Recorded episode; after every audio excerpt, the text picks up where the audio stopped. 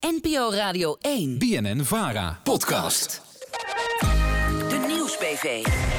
Ja, elke dinsdag gaat onze Haagse redactie op zoek naar het antwoord op een politieke luisteraarsvraag. En deze week ging onze eigen politieke redacteur Anne Plezier langs bij Kees van der Staaij van de SGP. De Nieuwsbv. De vraag Aan Den Haag. Met deze week de vraag van Marijn Linsen uit Utrecht. Hey, hallo daar. Ik vroeg me af, heeft iedereen in de Tweede Kamer een vaste plek?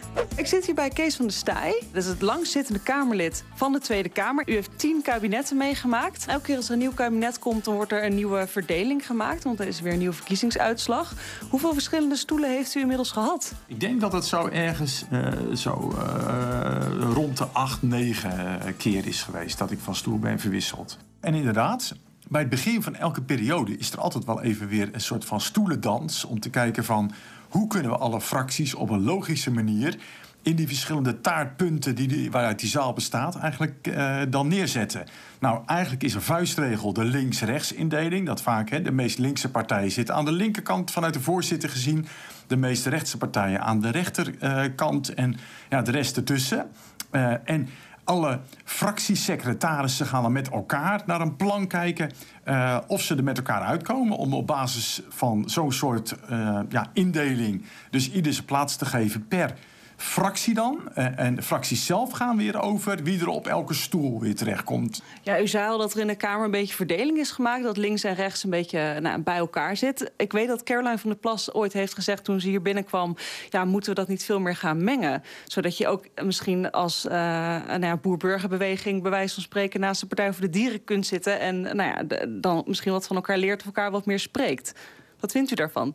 Nou, ik vind het in ieder geval een, een leuk voorbeeld van verfrissende ideeën die uh, nieuwkomers dan weer hebben. Uh, tegelijkertijd is dat eigenlijk meer bij de commissiezalen heb je geen vaste plek. Dus daar heb je eigenlijk wel dat effect dat je naast allerlei uh, andere mensen ook uh, terechtkomt. Hè? Want de plenaire zaal en de debatten is natuurlijk maar een deel van de debatten die we hebben. Dus vaak nog in andere vergaderzalen, de Troelstrazaal, de Groen van Prinsenzaal, heb je weer kamercommissies die hun vergaderingen hebben. Nou, daar heb je geen vaste indeling. Dan ben je wel gemixt dus. In de plenaire zaal is dat met stemming en zo weer niet zo handig. Dan is best wel handig als je even met je collega's kan overleggen. Als toch ineens de twijfel toeslaat over moeten we voor deze motie nou wel echt voor zijn. Uh, dus daarom zitten we dan wel weer graag bij elkaar. Ja, welke partijen zijn vaak uw buren in de plenaire zaal? Vaak zitten wij in de buurt van uh, VVD, CDA, ChristenUnie. Dat is uh, waar wij eigenlijk al heel lang altijd in de buurt uitkomen. Uh, dicht bij de ChristenUnie, natuurlijk ook een partij op een aantal thema's verwant. Als, vanuit de christelijke grondslag. Hetzelfde geldt voor uh, het CDA. En de VVD ook met een beetje de positie... ja, zo rechts van het midden, maar ook weer niet helemaal aan de rechterkant. Dan zijn er ook fracties die wat groter zijn dan de SGP. En dan heb je misschien ook stoeltjes die meer vooraan zitten... en stoeltjes die meer achteraan zitten. Weet u of er daar ook een beetje over geruzied wordt? Vooraan is wel geliefd door ook juist fractievoorzitters, ook met interrupties.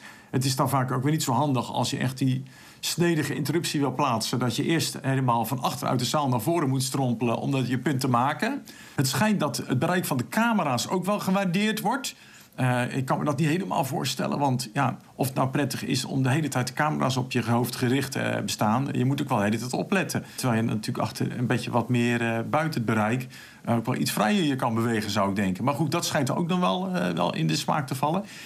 ik weet ook wel van fracties die het zo hebben opgelost dat ze op alfabetische volgorde gaan zitten.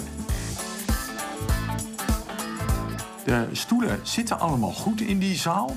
Het zijn wel draaistoelen. Onze voorlichter beweert dat dat komt omdat Kamerleden nog wel eens is een algemeenheid van standpunt weten te uh, veranderen en dat daarom draaistoelen wel handig zijn. Maar ik geloof dat historisch nog iets betrouwbaarder de uitleg is dat ze ook vastgemaakt zijn en geen losse stoelen. Dat is in, ooit in het verleden nog wel eens gebeurd.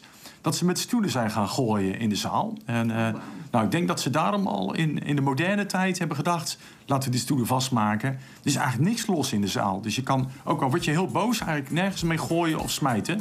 Uh, dus dat is wel goed geregeld. Heb jij nou ook een vraag aan Den Haag? Mail hem dan eventjes naar de Nieuwsbv Politiek apenstaartje. En wie weet hoor je je eigen vraag terug op de radio.